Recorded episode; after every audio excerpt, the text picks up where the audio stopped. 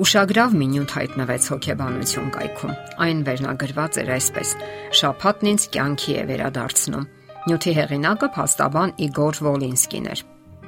Հարցն այն է, որ այն, ինչը դեռևս հազարամյակներ առաջ հայտնել է Աստված մարդկությանը, այսօր նոր միայն ուշադրության է արժանանում։ Դեռ վաղանջական ժամանակներից Աստված իր ժողովրդին հայտնել էր հոգևոր կյանքի եւ սրբության, հանգստի ու վերականգնման հետեւյալ կարևոր ճշմարտությունը պատվիրանի տեսքով։ Հիշիր հանգստի օրը, որpիսի սուրբ պահես այն։ 6 օր աշխատիր եւ քո բոլոր գործերն արա, բայց 7-րդ օրը քո Տեր Աստծո հանգստի օրն է։ Ոչ մի գործ չանես ես, ոչ դու, ոչ քո որդին, ոչ քո աղջիկը, ոչ քո ծառան ու աղախինը, ոչ քո անասունը, ոչ էլ քո դռանը եղող օտարականը, որովհետև Տերը 6 օրում ստեղծեց երկինքն ու երկիրը, ծովն ու դրա մեջ բոլոր եղածները, իսկ 7-րդ օրը հանգստացավ։ Դրա համար Տերն օրհնեց հանգստի օրը եւ սրբացրեց այն։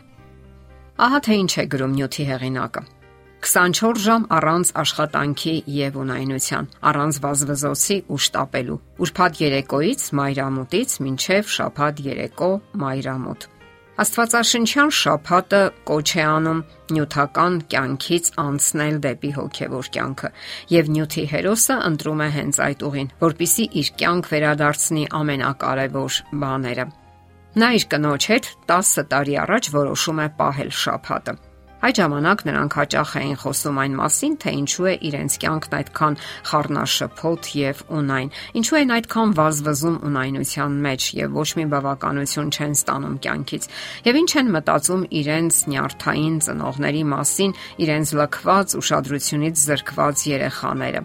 Եվ այսպես, հուսալով, որ կգտնեն իրենց հարցերի պատասխանները, նրանք որոշում են ավելի ավանդական դարձնել իրենց կյանքը, ինչպես գրված է Աստվածաշնչում, եւ ինչին հետևում են ուղափառ հրեաները։ Իսկ դա նշանակում էր պահել շաբաթը, ինչպես հորդորում է Աստվածաշնչյան վերոհիշյալ 4-րդ պատվիրանը։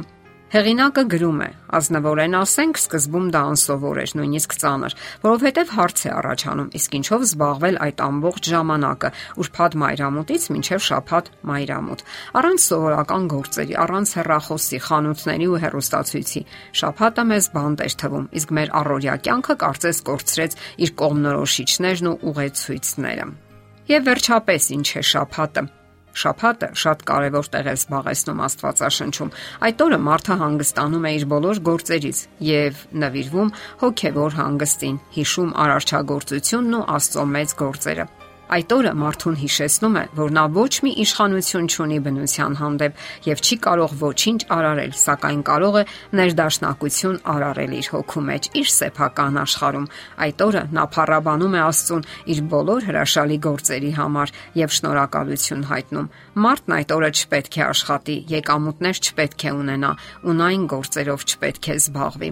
Հոդվացի հեղինակն այնուհետև անդրադառնում է այն բանին, թե ինչ կարելի անել եւ ինչ չի կարելի կարելի անել։ Նա շեշտում է, որ այդ օրը սկսում ես կարդալ Աստվածաշունչը, ուսումնասիրել, աղոթել, շփվել մերձավորների հետ, մտորել։ Դա այն օրն է, երբ մարդը առանձնահատուկ մտորում է մեղքի եւ նրանից ազատ ագրվելու մասին։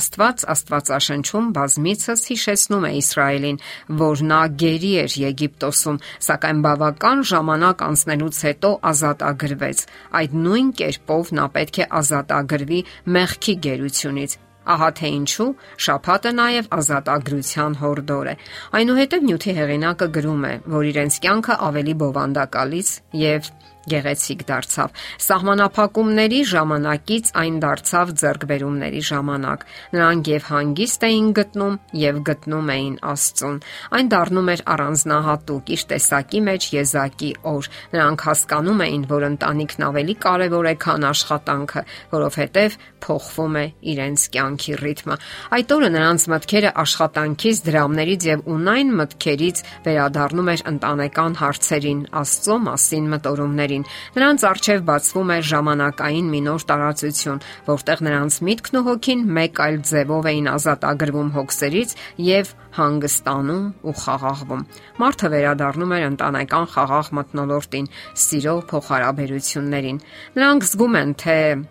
ինչպես է նորովի վերակառուցվում իրենց կյանքը։ Այդ օրը, նախքան մայրամուտը, նրանք ավելի վաղ են վերադառնում աշխատանքից եւ երբեք չեն խախտում այդ կանոնը, որովհետեւ այդ օրը նրանք անց են կասնում միասին, միաբանությամբ եւ սիրով։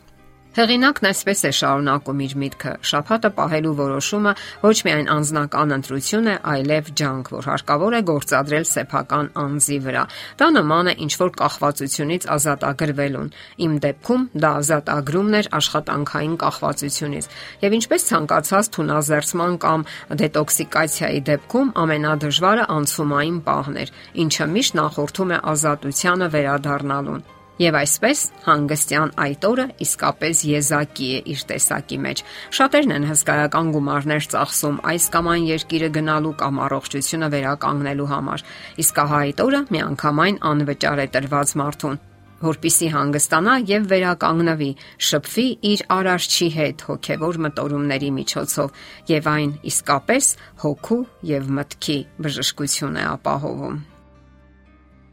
Հարցերի եւ առաջարկությունների համար զանգահարել 033 87 87 87 հեռախոսահամարով։